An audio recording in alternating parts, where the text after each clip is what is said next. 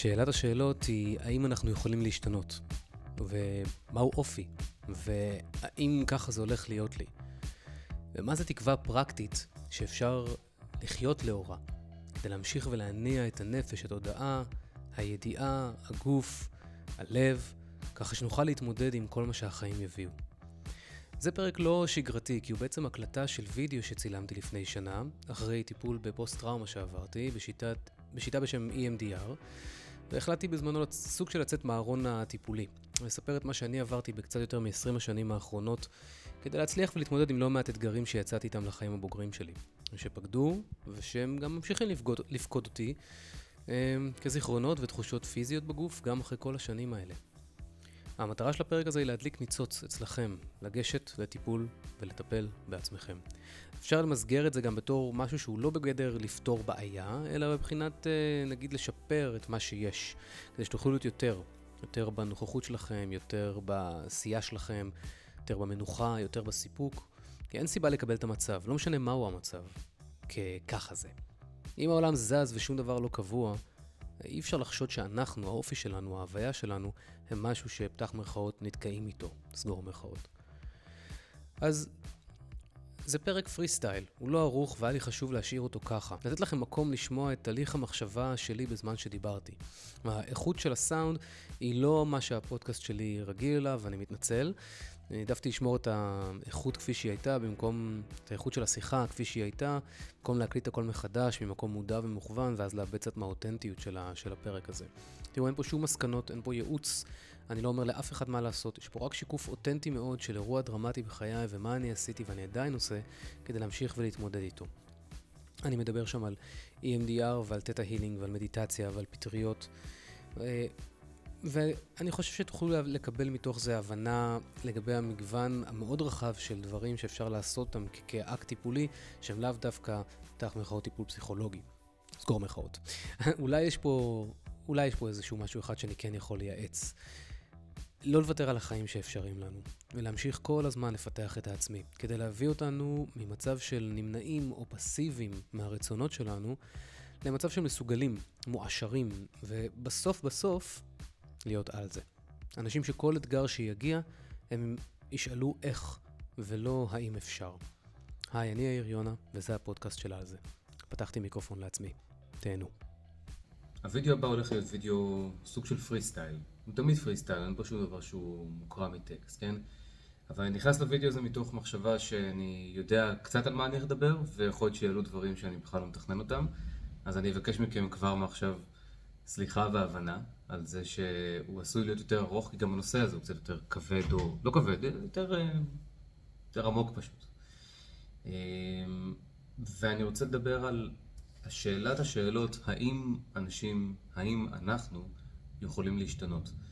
נתקלתי בשאלה הזאת הבוקר בטוויטר, שמישהי שאלה האם אנשים יכולים להשתנות, אה, וחשבתי על זה שבעצם כל מה שאני עוסק בו ביום יום, די ב...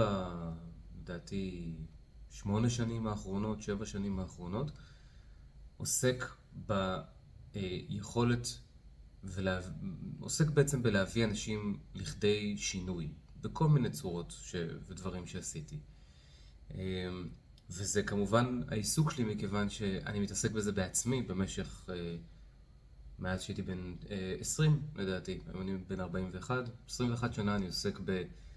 אמ, איך אני יכול לשנות לעצמי את החיים כל הזמן ולהיות יותר ויותר ויותר ויותר מיטיב עם עצמי. זה לא אומר uh, בהכרח לעשות יותר כסף, או להיות יותר ספורטאי, או להיות uh, הבן זוג הכי טוב, זה כן אומר לצורך העניין להיות בכל הזירות שאני מעורב בהן יותר טוב כל הזמן, אבל זה לא אומר, uh, אין פה עניין של להגיע לאיזשהו יעד ספציפי ולעשות לא יודע, פתח מחאות מיליון דולר בשנה, או לרוץ אה, טריאטלון בתוך שנתיים. מדובר פה על, ש... על העניין הזה של איך אני יכול לשפר עצמי את החיים בצורה מתמדת. ואז נשאלת השאלה, האם אנשים יכולים להשתנות? האם זה שאני השתניתי. ועשיתי בעצמי שינויים רדיקליים כל כך, ברמה של 180 אלף מעלות בערך, האם זה כי יש לי את התכונה הזאת של השינוי, או האם זה דבר שהוא קיים בנו? אמ, עכשיו, אני מניח שרובכם במקום מסוים, אני מניח, ואולי אני טועה, אבל אני מניח שרובכם במקום מסוים אה, מבין או יודע או רואה, או מבינה ויודעת ורואה, שהשינוי הוא דבר אה, לא רק שהוא אפשרי, הוא פשוט קורה, כן? זה לא שאלה של אמונה, זה שאלה של מדע. כי אה, פעם עוד חשבו שהמוח, בשונה משאר הגוף, לא משתנה, כן? הרי הגוף שלנו כל הזמן משתנה, התאים בגוף שלנו משתנים. אה, בכל רגע נתון תאים מתים ומתחדשים, זה כבר, עצם זה שזה קורה, זה אומר שינוי. אה, והוא מגיב לכל מיני דברים. אתם יודעים, שאתם לפעמים אתם נוסעים לחו"ל, אז אתם פתאום מרגישים יותר אה, בנינוחות, או שאתם... פתאום קורה שאתם חולים, אז יש תופעות כאלה ואחרות, וכשאתם עושים יותר, יותר ספורט, אז הגוף מגיב לזה, כאילו, you know, גוף משתנה. אז פעם חשבו, שה, חשבו שהמוח לא משתנה, והיום יודעים שזה לא נכון. אמ, ובעצם מה שקורה זה שהיום מבינים יותר מפעם, ויש יותר ויותר מחקרים בנושא הזה שנקרא נוירופלסטיסי, כן? או, אה, אני יודע, אה, פלסטיות של המוח. אה, חפשו את זה, חפשו ביוטיוב. יש תחום שלהם שנקרא נוירופלסטיסי, שבעצם חוקר בעצם את השינויים שהמוח עובר. אז קודם כל זה שיש לנו את הפוטנציאל לשינוי, זה מבחינתי דבר שאין עליו עוררין, כן? או לא את הפוטנציאל, זה שאנחנו משתנים הלכה למעשה, אין על זה עוררין. עכשיו, השאלה היא לאן אנחנו משתנים, לאיזה כיוונים אנחנו משתנים, האם אנחנו משתנים למקומות שאנחנו רוצים, ו... ואולי שאלת השאלות מעל הכל, האם אנחנו נותנים את הפוקוס לכוון לעצמנו את השינוי, את, ה, את, ה, את השינויים שאנחנו רוצים שייכנסו לנו לחיים. וזו השאלה מבחינתי הכי מעניינת, כי אם אנחנו שמים רגע בצד את עניין האמונה, האם אנשים משתנים או לא, האם אני יכול להשתנות כן או לא, האם נסיבות חיי שהביאו אותי לאן שאני היום, פתח מירכאות, יתקעו אותי לנצח במקום הזה, או שמא יש לי סיכוי להינצל. אה, אז זו לא השאלה, ואז השאלה היא בעצם איך אנחנו כן יכולים להביא את השינויים האלה. אמ, אז אני חושב שקודם כל נקודת המפתח מבחינתי, ואני הולך לספר עכשיו את הסיפור שלי, אוקיי?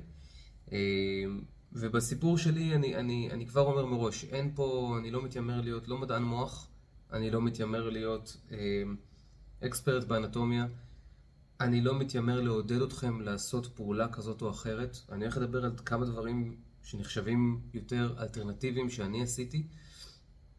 אמ, אני לא מעודד אף אחד או אף אחת לעשות אותם, אני מספר את הסיפור שלי. יש לראות בווידאו הזה משהו שהוא לא בגדר המלצה, בשום צורה. תעשו את הריסרצ' שלכם, ותעשו את הריסרצ', אוקיי? אה, תקדישו את הזמן לבדוק את הדברים האלה. אז אני אספר את הסיפור שלי של מה הביא אותי ומה אני עשיתי ב-21 שנה האלה, שאני מרגיש שפשוט לקח את החיים ממקום אחד למקום אחר ושינה אותם בצורה דרמטית.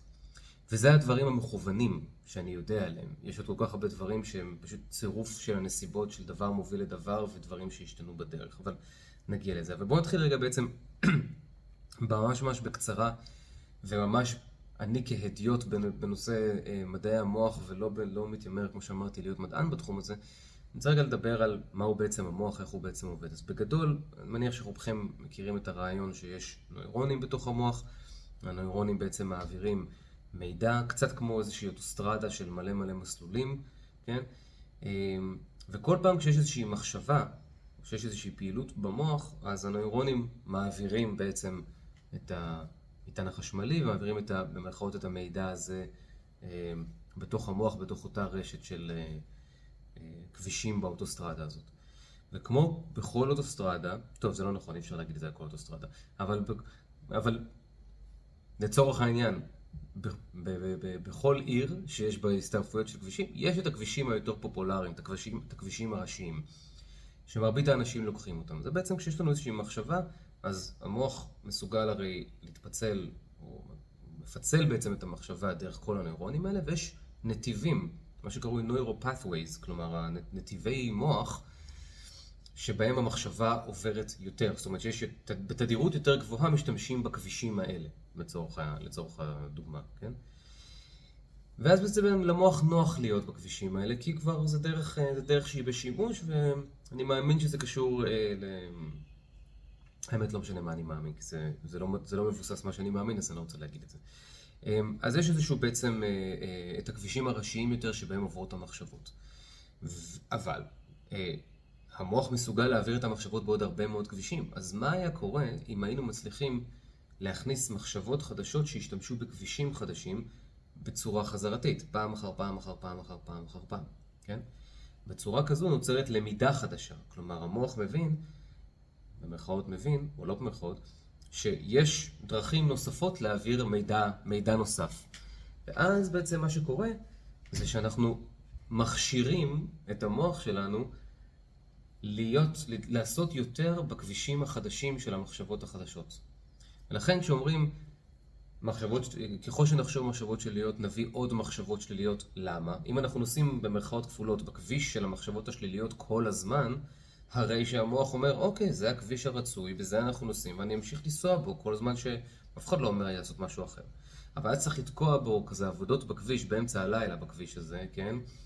ולחסום את, את, את, את הגישה ולהגיד, רגע, רגע, עכשיו אתה צריך לחשוב רגע מחשבות חיוביות, וכמו שלמדת ב repeat לעשות מחשבות שליליות, אתה צריך לעשות מחשבות חיוביות ב repeat, כדי, ש, כדי שהמוח ילמד את הכביש החדש הזה. וכשהמוח ילמד את הכביש החדש הזה, יהיה אפשר, זאת אומרת, הוא יבחר לנסוע שם יותר. ברגע שיש משהו שהוא מוכר יותר למוח, אז הוא יבחר להיות בו.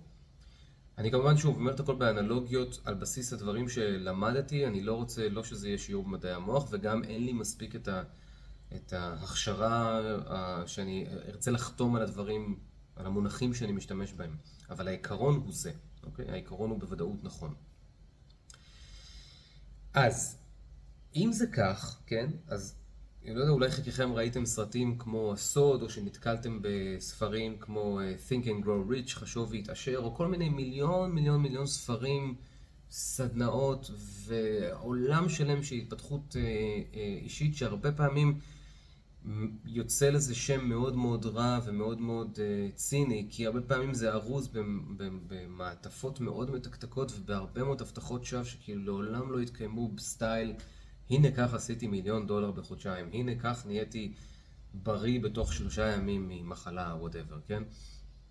מכיוון שזה בדרך כלל עטוף בסיפורים שנשמעים מאוד לא אמינים, שיכול להיות שאשכרה קרו לאנשים האלה, אבל הם לא קרו רק בגלל שהם אה, השתמשו במחשבה, כן? הם, הם, הם, הם התאמנו בדבר. אז בכל המקומות האלה מדברים בדרך כלל על דבר שנקרא כוח המשיכה, the law of attraction, לא כוח המשיכה של ניוטון, אלא הכוח להביא לחיים שלנו דברים. עכשיו, אני מאוד מאוד מאוד מאמין בזה, אבל אני חושב שצריך מאוד להיזהר בתפיסה של, המח... של מה, זה כוח, מה זה כוח המשיכה. כי אם זה שכתבתי לעצמי, כן, הייתי רוצה בית בהרים עם מטע קלמנטינות, ואז אני אתלה את זה על איזה vision board כזה על הקיר, ואז יום אחד במקרה, הסתבר שיש לי דוד שאני לא מכיר בקזחסטן, שרוצה להוריש לי מלא כסף ופרדס קלמנטינות בערים, זה כנראה לא יקרה.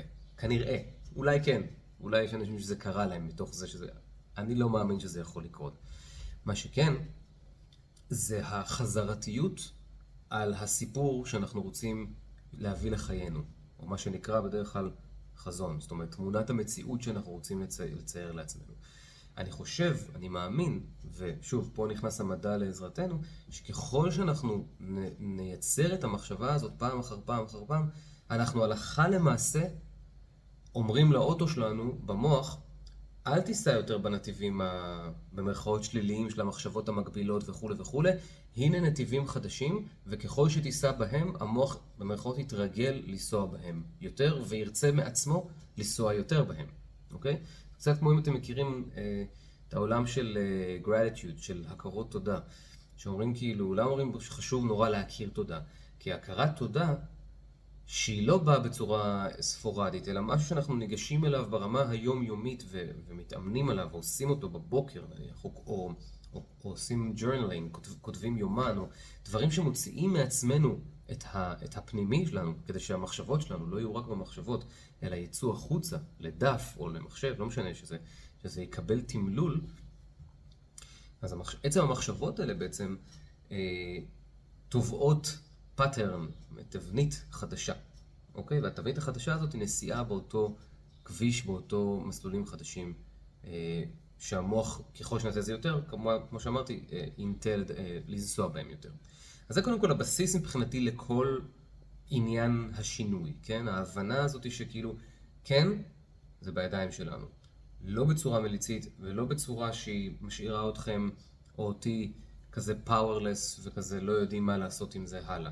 תכף נדבר על קצת על דברים שאפשר לעשות, אבל קודם כל צריך להבין שמה שלא נעשה, לא יקרה. מה, ש... מה שנעשה ונבחר אקטיבית לעשות, יקרה. הפוקוס שלי ב-21 שנה האלה, בעקבות אירועים מאוד מאוד מאוד טראומטיים, PTSD ים בעבר שלי, שכללו אה, ניסיון פגיעה בעצמי יותר מפעם אחת, אני הבנתי שאני לא, אני לא יכול שלא לשים את, ה, את ההצלת חיים שלי בפוקוס. כי אני אולי לא אהיה. ולא רציתי לא להיות, רציתי כן להיות.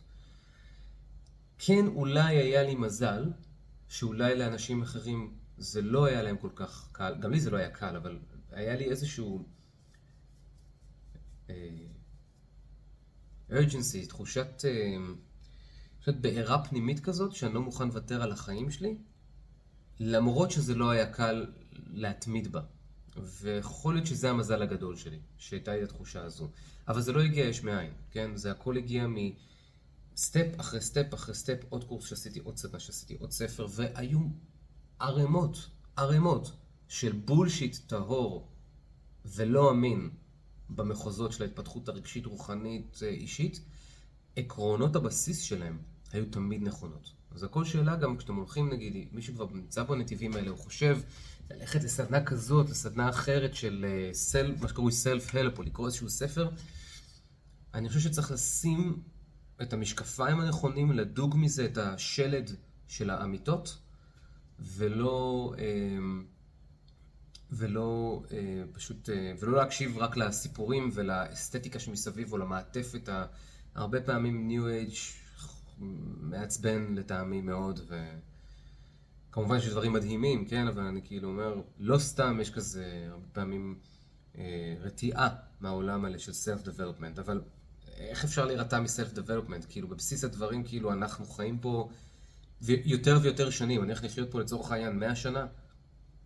אם אני לא אשקיע ב-self-development, בהתפתחות האישית שלי, אז כאילו, אז, אז, אז מה? אז אני אחיה מיום ליום, אה, לה לה לה לה ברוח, לא זוכר, לא זוכר את השורה. את ימיי ברוח, מפזרת את ימיי. לא זוכר, קיצור. אמ, אז, אז הנקודה היא שמבחינתי, אני מחזיר את עצמי רגע לשיחה, הכל צריך להיות, העניין הזה של התפתחות אישית צריך להיות בפרונט של החיים שלי כל הזמן. גם אם מצבכם הרגשי, מנטלי, רוחני, הוא סבבה, אתם לא סובלים מ-ups and downs, אתם לא סובלים מדיכאונות, אתם סך הכול מבסוטים בחלקכם, אני חושב שההתפתחות האישית שלנו זה צריך להיות הדבר הראשון במעלה. למה? כי אם אני כל הזמן נמצא בעבודה על עצמי, אה, וכל הזמן קורא וחוקר וסדנה וספר ולא פודקאסט, לא משנה מה, רק שתטבלו בתוך הנושא הזה מדי יום, אתם משרתים את הסביבה שלכם בצורה הטובה ביותר. זאת אומרת, הרבה אנשים אומרים, כן, אין לי זמן לדברים האלה, משפחה, עבודה, לא, לא, לא. המשפחה שלכם, העבודה שלכם, הקולגות שלכם, החברים שלכם, ההורים שלכם, האחים שלכם, כל האנשים שנמצאים סביבכם, אה, מקבלים, מקבלים אותך, אתכם בהכרח לא במצב האופטימלי, אם אתם לא עובדים אקטיבית כדי להביא מצב אופטימלי. ואין מצב אופטימלי באמת, זה תמיד כזה יהיה חתירה בלתי פוסקת לקראת המצב האופטימלי המדובר הזה, כן? אבל זה לא דבר שאפשר להפסיק בו. ולכן אני חושב שכל מי שלא נמצא בעבודה אה, בהתפתחות אישית, באיזושהי צורה, בהתפתחות אישית יכולה להיות באלף צורות, אני לא אומר שאתם צריכים לעשות X או לעשות Y, אבל אה, מי שלא עושה את העבודה הזאת, לדעתי, מפספס את החיים שאפשר היה לחיות יותר טוב, ויכול להיות שמה שהוא חי כרגע זה סבבה. וזה בסדר, אני לא מבקר את זה, אני רק אומר שכאילו, מה שהדליק אותי, מה שמניע לי את הלב, זה השאלה הזאת, what else is there? מה עוד יש שם? לא במקום גרידי, אלא במקום של, בואנה, יש פה שק של פוטנציאל, שהוא עדיין לא, לא הגיע לקצה קצהו של המיצוי. כן, אני תמיד אומר שכאילו, אם אנחנו יכולים לברוא אדם מתוכנו, אנחנו יכולים לעשות הכל. אז אני לא יכול לברוא, לברוא אדם מתוכי, מעניינים טכניים ביולוגיים כאלה, אני יכול להיות אבל שותף לזה, ואם אנחנו יכולים להיות שותפים לבריאת אדם, או שאנחנו יכולים, יכול, יכולות לברוא אדם מתוכנו, אז אנחנו יכולים פשוט להגיע לפוטנציאל בריאה מטורף לגמרי, וזה לא יכול להיות שזה יתמצא בעבודה הזאת ספציפית, או בבריאות הזאת ספציפית, או בהישגים האלה והאלה בקריירה שלי, או whatever שזה לא יהיה, יש פשוט הרבה יותר שאנחנו יכולים לחיות את החיים שלנו פשוט באושר, ובשביעות רצון, ובסיפוק. השאלה היא מה תעשו לגבי זה. מה אני אעשה לגבי זה. אז הבחירה שלי הייתה להיות, ב... זו בחירה שניתבה את עצמה, כי אף אחד לא אמר לי, היי, יאיר, כדאי שתעשה את הבחירה הזאת. הבחירה הזאת ניתבה את עצמה אצלי מתוך, המקום, מתוך המקום של אה, להציל לעצמי את החיים. אה, מה שאני עושה נגיד בעל זה, או מה שאני עושה בכלל בחיים שלי, כל האדיטיוד שלי, הוא לעזור עד כמה שאני יכול לאנשים להשתכנע עד כמה שהשינוי בחיים הוא מאוד מאוד אפשרי. הווידאו הזה הוא אחד הדברים, הוא, הוא, הוא פסיק קטן בדבר הזה, אבל כל התהליכים שאני עושה, הקורסים, whatever, כל הפעילויות שאני עושה, נוגעים בעצם בנקודה הזאת. איך אני יכול לתפוס אנשים ולהגיד להם, היי, hey, דודס, כאילו, אפשר. בואו נתחיל מזה שאפשר. עכשיו בואו נדבר על קצת על איך אפשר. אז אני, שוב, אני אספר רק את הסיפור שלי, אין בזה משהו שבכדי המלצה, תעשו את הריסרצ' שלכם, ואני מציע לכם להתחיל את הריסרצ' שלכם במה שקרוי נוירופלסטיסי, כמו שאמרתי, או אלסטיות של המוח, יש גם מקורות מידע בעברית ביוטיוב. תתחילו לחפש איך המוח בנוי, מה זה סינפסות, איך הנוירונים עובדים, אה, מה זה הגמישות הזאת שהמוח יכול להיות בו, כי הוא כל הזמן משתנה, כן? אה, ותצאו מנקודת הנחה שהמוח תמיד משתנה, וזה אומר שהחיים שלכם יכולים תמיד להשתנות. זה האקסיומה. ריסרצ' שלב ראשון, פשוט תתחילו לקרוא. תתחילו לקרוא, תראו יוטיובים. שתשתרש בכם האמונה דרך השכל ללב, שכאילו, אם תרצו, במרכאות או לא במרכאות, רגע, כן. אם תרצו במרכאות לא, או לא במרכאות, אין זו אגדה, הכל בר שינוי. אז מה אני עשיתי? אז אני מחלק את זה בעצם לשני מסלולים. מה שנקרא לו המסלול המודע והמסלול שאינו מודע. אז תחילת הדרך שלי אה, בעולמות האלה הייתה, עשיתי את הפורום של לנדמרק. אה, כשהייתי בן 19, אה, אני חושב, 19, 20, משהו כזה. אה, ושם למדתי בפעם הראשונה את הקונספט של לקחת אחריות על החיים שלך ולהפסיק להיות קורבן. וזה לקח הרבה הרבה מאוד מאוד שנים עד שהפסקתי להיות קורבן, ועדיין יש את המקומות שבהם אני קורבן כמו כל אחד מאיתנו. לשמחתי, זמני השהייה בתוך הקורבנות האלה, בתוך הקורבנות הזאת, הולכים ופוחתים בצורה דרמטית. אמ, אבל שם בעצם התחלתי את הדרך. אמ, ואני חושב שהפעם הראשונה שנתקלתי בעבודה עם התת-מודע היה כשחזרתי מלונדון. גרתי בלונדון שנתיים, כשגרתי שנתיים בלונדון, אה, איבדתי את ה... אחד משני החברים הכי, או אחד משלושת החברים הכי הכי קרובים אליי, שליווה אותי מגיל שמונה. הייתי בן עשרים ו... שלוש כשזה קרה. אמ, והוא נהרג, ואני הייתי בשנתיים, שלוש, שנתיים אני חושב, של, של אבל שלא הצלחתי לצאת ממנו. פשוט נתקעתי בלופ של אבל, ופשוט לא הפסקתי לבכות שנתיים, אולי אפילו שלוש, כן. לא הפסקתי לבכות שנתיים, שלוש. ולא משנה מה עשיתי, היו לי הופעות, גרתי בלונדון, היה לי מגניב בלונדון, טה-טה-טה, ראיתי, ראיתי את בלר, live. לא משנה מה עשיתי, דברים משמחים שחשובים לליבי. אה, לא הצלחתי לצאת מה loop הזה של האבל. וכשחזרתי לארץ, עדיין הייתי, אה, זה עדיין ישב כמו איזה תדר שלא לא עוזב אותי. ו... אמ, וזה, ותחשבו שגם עוד לא, במרכאות עוד לא, לא במרכאות ולא במרכאות עוד לא התאוששתי ממה שקרה לי בצבא. וזה היה כזה כמה שנים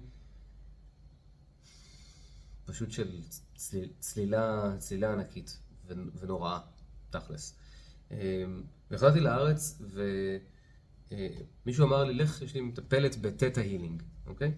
אמ, שזה היה נראה לי אז קצת mumbo jumbo bullshit, תעזוב אותי, כן? והלכתי לטרי, אה, המטפלת שלי, אה, דאז, לשלושה, ארבעה מפגשים, משהו כזה. אה, ואני שוב, אני לא אכנס קצת למה קורה ב Theta Healing עכשיו, כי הווידאו הזה יהפוך להיות ארוך מדי, אבל תקראו קצת מה זה Theta Healing, ואני לא יכול להסביר מה קרה. באמת, אני לא יכול להסביר מה קרה. ואני לא בא למכור לכם שירותי Theta Healing, ואני לא עושה sponsorship ל Theta Healing, ואני, האמת, לא זוכר את שם משפחתה של טרי. לצערי, אחרת אני גם לא, לא- אחרת אני גם לא יכול להמליץ עליה, אה, אבל הייתה אדירה. ואיכשהו בפגישה השלישית, או הרביעית, אני לא זוכר, אני אשכרה זוכר שיצאתי מה, מהבית שלה, בית רגיל בראשון, בניין, רגיל לחלוטין, אין מכשפות, מרווה שרופה, קריסטלים, או כל מיני דברים שמצטיירים באסוציאציה. אה, לא שיש משהו רע חס וחלילה במרווה שרופה בקריסטלים, אבל רק להסביר את הרגילות של הסיטואציה, כאילו, ממש, אחי, אני על ספה, היא על הספה, אנחנו מדברים, כן, שתיתי קפה. יצאתי מהבית שלה ופתאום הרגשתי כאילו ירד ממני איזשהו level מטורף של עול, ואני לא יכול להסביר את התחושה, זאת אומרת, אני לא יכול להסביר מה, מה הביא לזה. משהו ב healing שהיא עשתה, מה שקרוי, היא עשתה download של דברים לתת מודע, ששוב, זה היה נראה לי כזה, כשהסתכלתי על זה, כאילו, oh man, על מה את מדברת?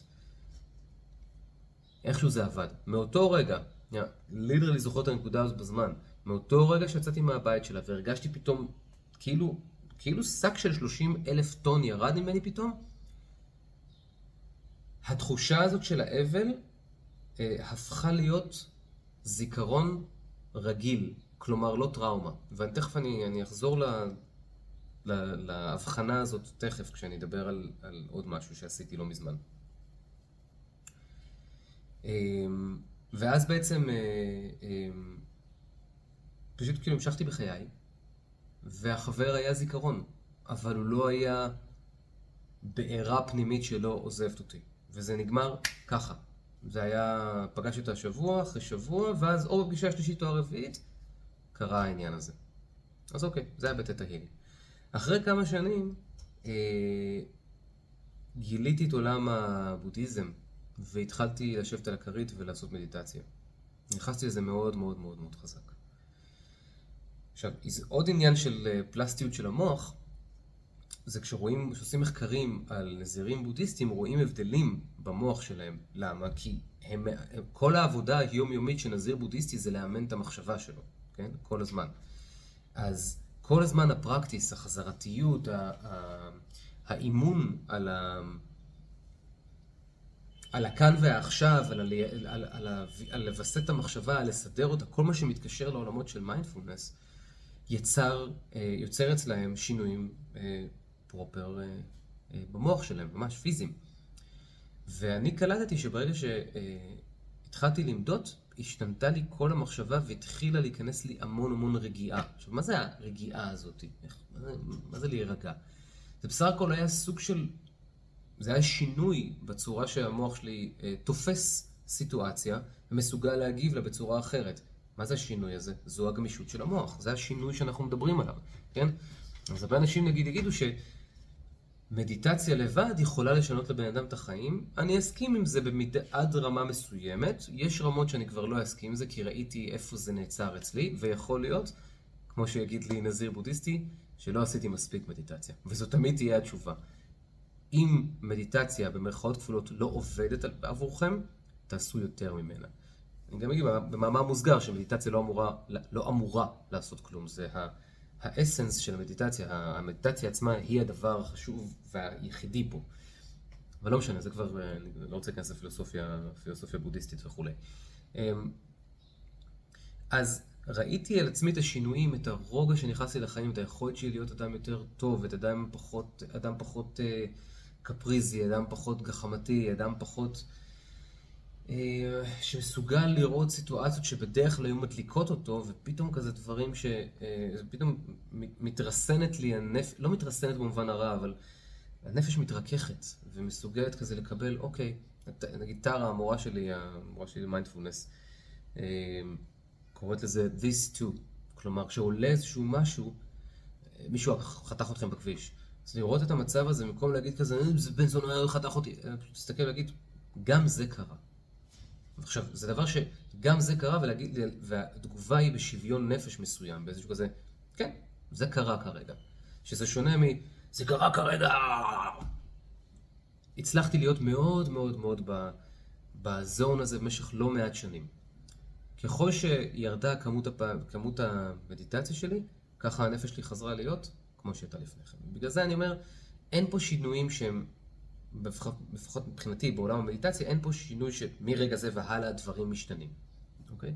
בשונה מהתטא הילינג, שזה כן מה שקרה. אז אפשר להסתכל על המדיטציה בתור תחזוקה יומיומית ושיפור יומיומי, יותר איטי, אמ, אבל ללא התערבות חיצונית שיש לכם את ההזדמנות לעשות אותו מתי שאתם רוצים, איפה שאתם רוצים, באיזה כמות שאתם רוצים. זה היופי במדיטציה, כן? קחו טקסט של ג'ורג' אריסון בנושא הזה.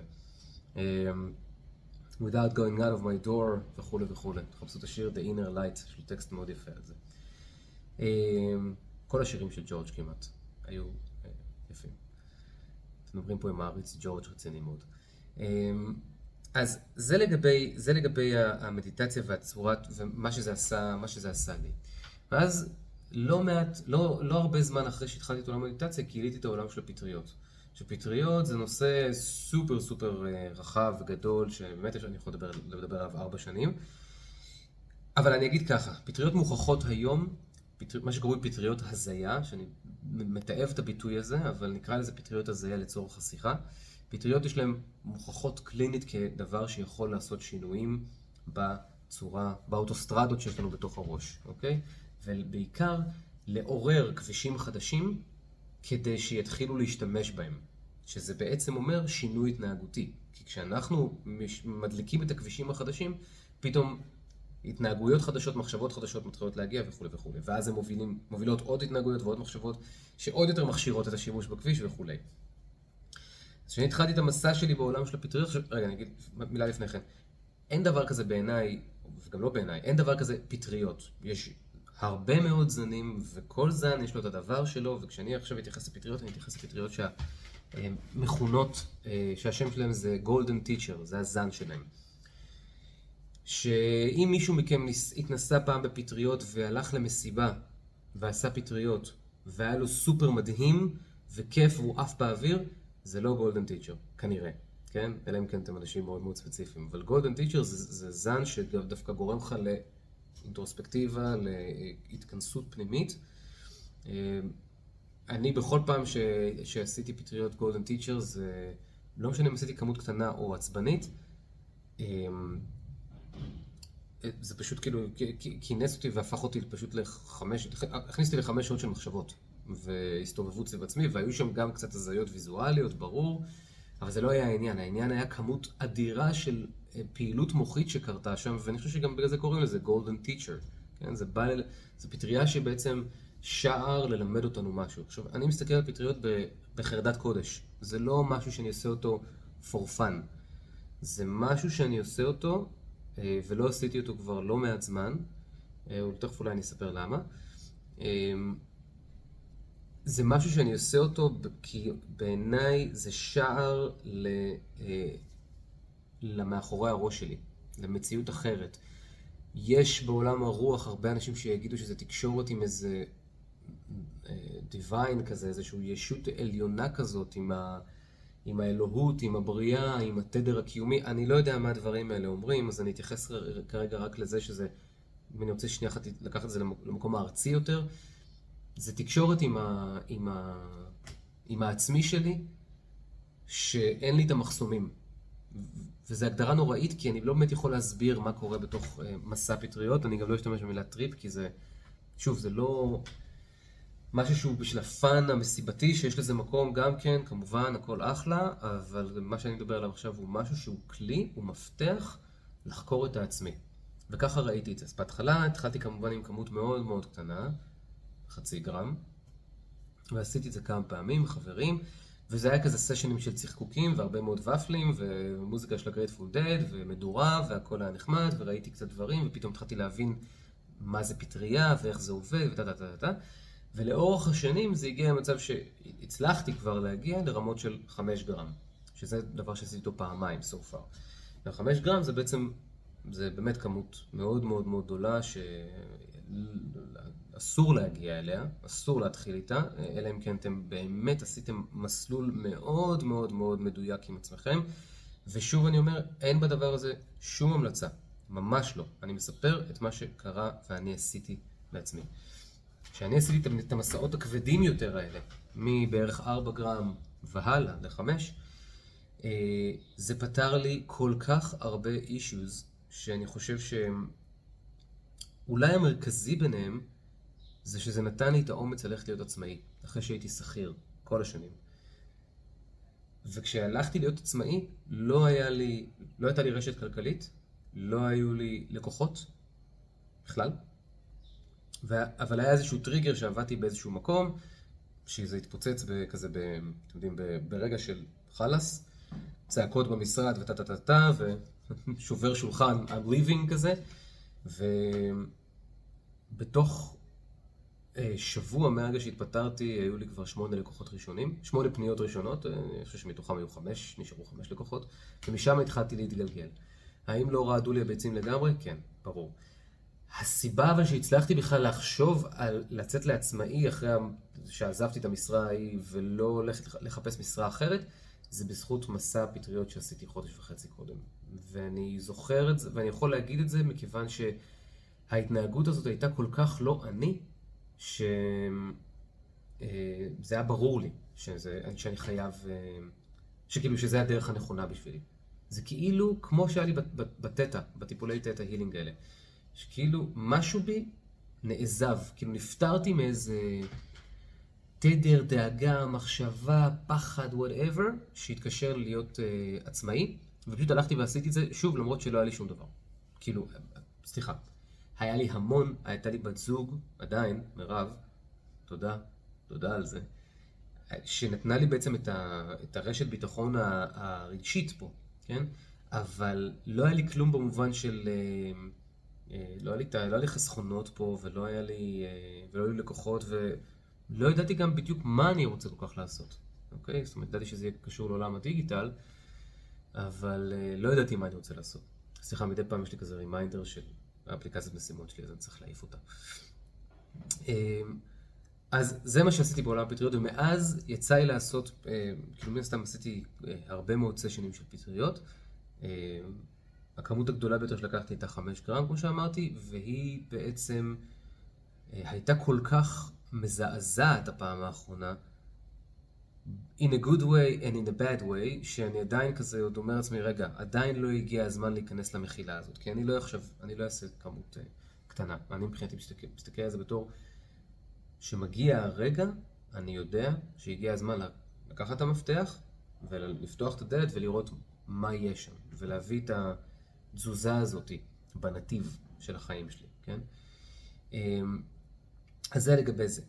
אמ, עכשיו, לפני כמה חודשים, אה, חלקכם אולי, אה, מישהו, אולי חברים שלי ומכרים שרואים את זה, יודעים, אה, הייתה לי איזושהי, הייתה לי תקופה מאוד מאוד קשה עם עצמי, הייתה לי איזושהי נפילה רצינית בגלל כל מיני סיבות. אמ, והגעתי למטפלת, החלטתי שאני לוקח, שאני מתנסה בטיפול שנקרא EMDR. עכשיו, EMDR זה טיפול באמת מדהים שמדברים עליו בשבחו בעולמות של אה, פוסט-טראומה ואיך הוא מתקן פוסט-טראומות במספר, במספר מאוד מצומצם של מפגשים. מצומצם יעני חמש, שש, שבע כאלה. בשונה מטיפולים פסיכולוגיים, שכפרה עליהם הכל טוב, לי זה כבר פחות התאים, כי כבר ראיתי אין ספור פסיכולוגים ואין ספור טיפולים, ואמרתי, אני חייב משהו מהיר. פתאום זה היה כזה, היי, hey, EMDR זה מהיר. מה ש-EMDR עושה בגדול זה קצת איפשהו, ואני אולי עושה לזה חטא, אז כל מדענים מטפלי EMDR, סליחה, אני לא מתכוון לזה בזילות, חס וחלילה, ואני לא מתכוון להשוות בין כלום לכלום. אבל זה איפשהו מזכיר את העולמות של תטא הילינג, כי זה עדיין מתעסק עם לעורר פעילות מוחית בצורה שהיא לא רגילה. כלומר, ברגיל, אני, פעילות המוחית שלי ביום יום היא, you know, אדם, אדם רגיל. וב-EMDR בעצם משתמשים במכשור, כמו אה, אור שעוקבים אחריו עם העיניים, או אה, אה, אוזניות שעושים לך ביפ, ביפ, ביפ, ביפ, ביפ בכל אוזן לסירוגין, או שני מכשירים שעושים ויברציות בידיים, גם כן מסונכרנים עם האור ומסונכרנים עם האוזניים, עם הביפים של האוזניים.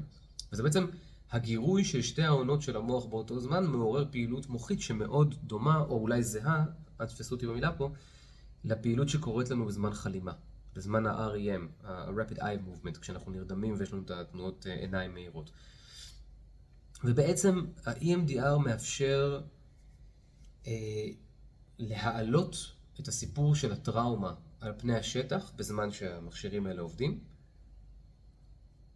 ולהעביר אה, את הזיכרון, שוב, כמו, בת, כמו בתטא הילינג, להעביר את הזיכרון מלהיות טראומה, כלומר זיכרון בלתי מעובד, שכשיש טריגר, אתה, הכל קורה כאילו זה קרה עכשיו, כאילו זיכרון מתעורר כאילו זה קרה עכשיו, והופך את זה כאילו לפשוט לזיכרון, סטייל מה אכלתי הבוקר, הבוקר. שזה מטורף לגמרי, כי מי שחי עם טראומה, בין אם הוא יודע או לא יודע שיש לו טראומה. אני לא ידעתי, לא קלטתי ש... שמדובר בטראומה. אה, בין אם אנחנו יודעים שיש לנו טראומה ובין אם לא.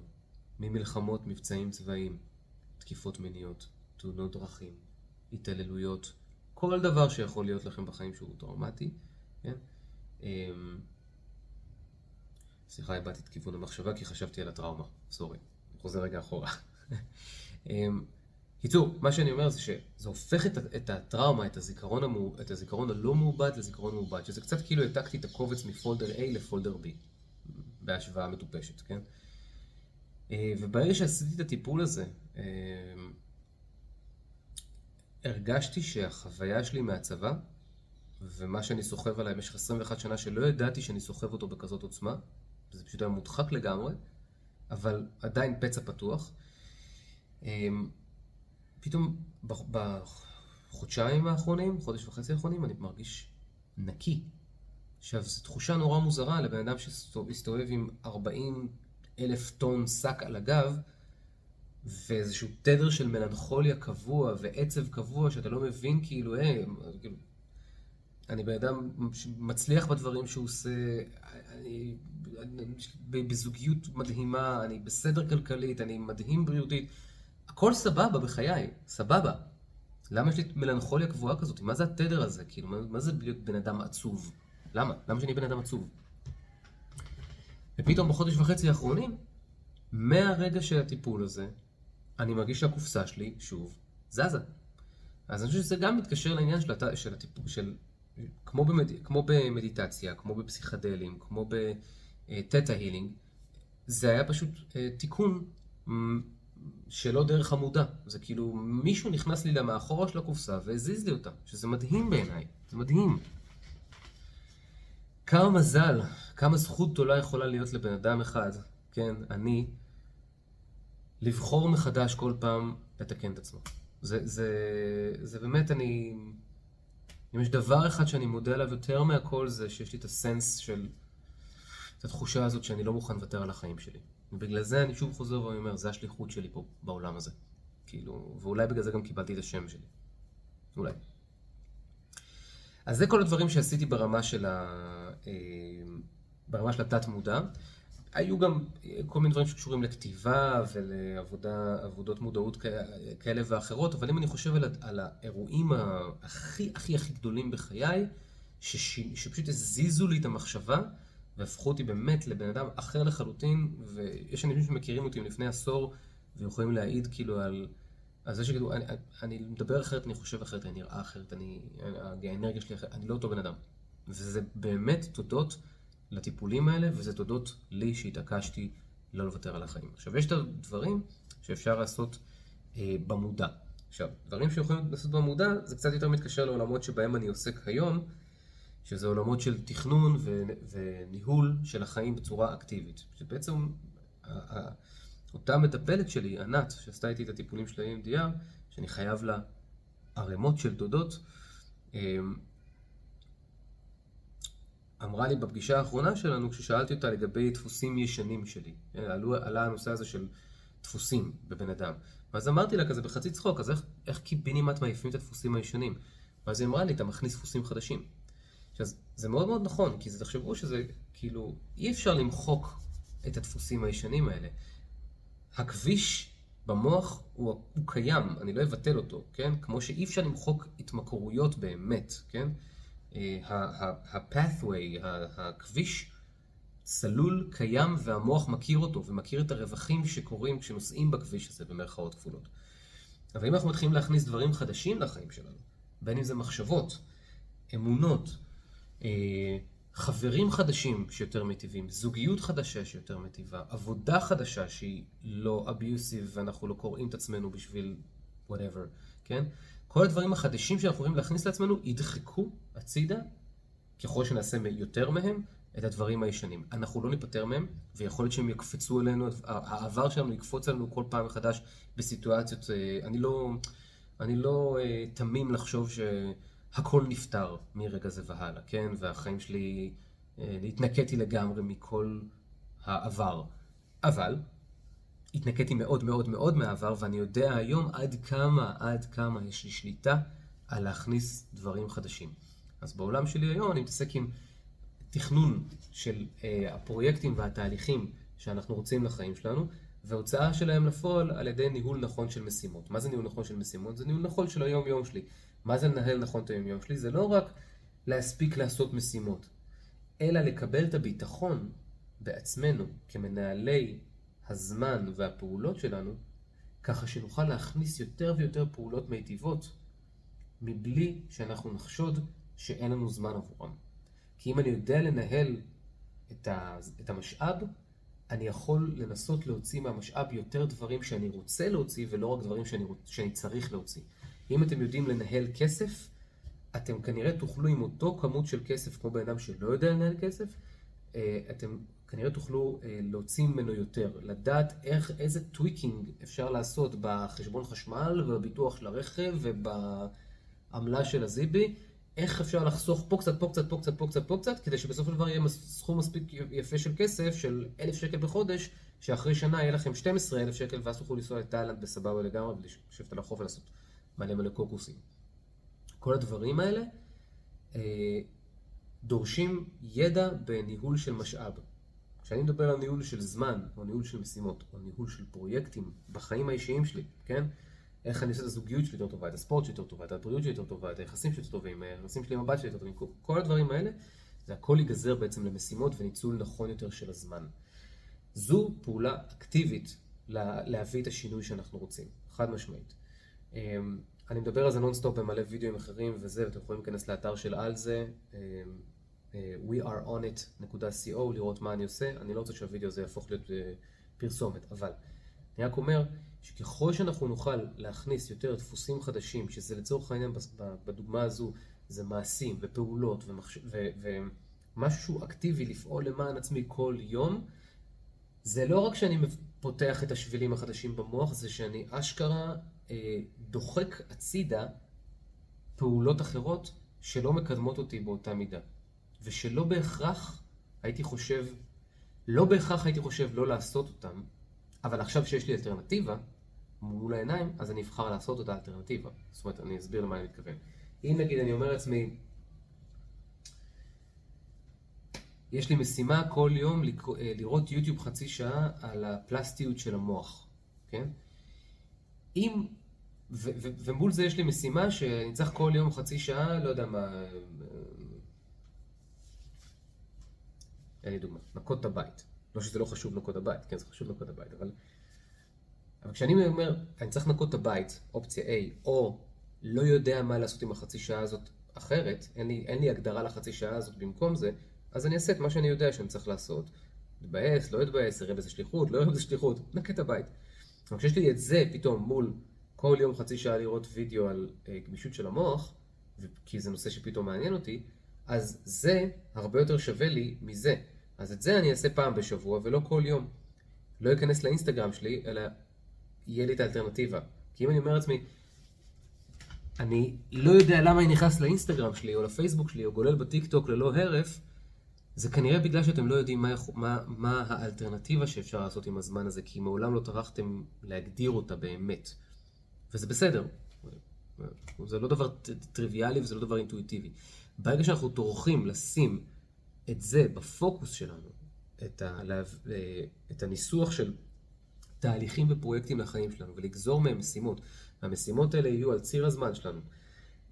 כמו המשימה להיכנס לאינסטגרם, שהיא משימה שאנחנו לא בוחרים בה, היא פשוט אה, אינטואיטיבית, סליחה, אז אה, ברגע שתהיה לי את האלטרנטיבה, אני אבחר לעשות דברים שמטיבים איתי. כמו שאני יכול לאכול פיצה נונסטופ, אבל אם יהיה לי במקרר שלי אה, ירקות חתוכים מוכנים לסלט, יש סיכוי יותר גבוה שאני אקח יותר פעמים ירקות חתוכים מוכנים לסלט ואעשה מהם סלט במקום לאכול כל יום פיצה, נכון? אז הכל שאלה של כמה אקטיביים אנחנו יכולים להיות במעשים שלנו כדי להביא לעצמנו את החיים שאנחנו רוצים, שזה באמת כל מה שאני מתעסק איתו על עצמי ועם האנשים שאני עובד איתם. אז, כמה הזמן זה? או-אה, 47 דקות. טוב, יצא הוידאו הכי ארוך ביקום בערך, אבל בסדר, זה חשוב מספיק. אז אני מסכם לנו רק את הנקודה. כל עניין השינוי הוא אפשרי, חד משמעית. אין על זה עוררין, מדע. אוקיי? אלא אם כן אתם לא מאמינים במדע, ואז אתם יכולים לחשוב מה שאתם רוצים, ו... אבל. אמ, אם, אה, אם השינוי הוא אפשרי, הרי שאנחנו צריכים, לדעתי, כאנשים בעולם, לשים את השינוי שלנו ואת ההשתפרות התמידית שלנו בתור הפוקוס המרכזי שמוביל אותנו. כי כשזה קורה, וזה הפוקוס המרכזי, כל הדברים שאנחנו רוצים להשיג בחיים, בחיים שלנו יקרו או יותר מהר או יותר טוב, או שניהם ביחד, או בשלוות נפש, או... זאת אומרת, אנחנו נרוויח מעצם קיום השכבה הבסיסית הזאת של ההתפתחות האישית שלנו כדבר החשוב ביותר בחיינו, כן? הזוגיות שלנו תהיה יותר טובה. אם אני אכיר את עצמי ואני אתפתח עם עצמי, אני אהיה אדם יותר טוב, אני אהיה בן זוג יותר טוב, אני אהיה אבא יותר טוב, אני אהיה איש קריירה יותר טוב, אני אני איש, איש קהילה יותר טוב, אני, you know, אני פשוט אהיה אדם יותר טוב שמרגיש שהוא מוגשם, שזה בעצם איך שאני מרגיש שהחיים שלי היום. הגעתי למצב של לפני 21 שנה, הי, הייתי על, כאילו, עם ניסיון התאבדות, והיום אני כאילו חי חיים מוגשמים. מוגשמים, מאושרים, סבבה, לא הכל קל, לא הכל עובד, אבל הגרף הוא כל הזמן עולה, וזה בגלל לקיחת האחריות שלי, וזה שהחלטתי שאני שם את הפיתוח האישי שלי ב front. לא כל הזמן אני בטיפולים, לא כל הזמן אני עושה דברים בעולמות האלה, אני משתדל אבל, ככל שאני יכול, להיות כמה שיותר בתנועה, בהתפתחות האישית שלי. כמה שיותר. בכל מקרה, כל יום אני עדיין עושה פעולות שמטיבות עם עצמי, כן? אבל לא תמיד אני עושה קורסים, או קורא ספרים, או שומע פודקאסטים, או, או, או עושה מסעות פסיכדליים, או whatever. אז אני מקווה שהווידאו הזה אה, אה, סייע לכם, פתח לכם את הראש, פתח לכם את הלב, אני מקווה שתבחרו את הבחירות הנכונות עבורכם, וכך או כך, אל תוותרו על עצמכם אף פעם, אל תוותרו על הסיכוי שלכם שהחיים שלכם יכולים להשתנות, כי פשוט אין לכם את הפריבילגיה לוותר על זה. באמת, אתם הולכים לחיות פה עוד כל כך הרבה שנים, זה לא ברמה של חבל לא לנצל אותם, זה ברמה של אסור לכם. במיוחד אם, אם יש לכם או תהיה לכם משפחה. במיוחד אם אתם אנשים שנמצאים באינטראקציות עם אנשים אחרים ורוצים להיות בגרסה הטובה ביותר עבור העולם ולהיטיב עם העולם, כן? פשוט אסור לכם. זה, זה, זה, זה, זה, זה, פשוט waste of life. זה, וזה דבר שמבחינתי הוא בלתי... כאילו כל אחד יעשה מה שהוא רוצה, כן? אבל זה בלתי מתקבל על הדעת בעיניי. זהו, אני שם את האימייל שלי בתחתית של ה... בתיאור של היוטיוב הזה. מי שרוצה לפנות אליי, לשאול אותי כל דבר, אני בשמחה אענה, לפעמים לוקח לי טיפה יותר, קצת יותר זמן, אבל אמ, שוב, שליחות והמצווה שלי זה, זה לפתוח אנשים את הראש ואת הלב בעולמות האלה. מי שרוצה להתייעץ איתי, תרגישו חופשי לכתוב לי. יאללה, שיהיה לכם יום טוב, ספטמבר שמח.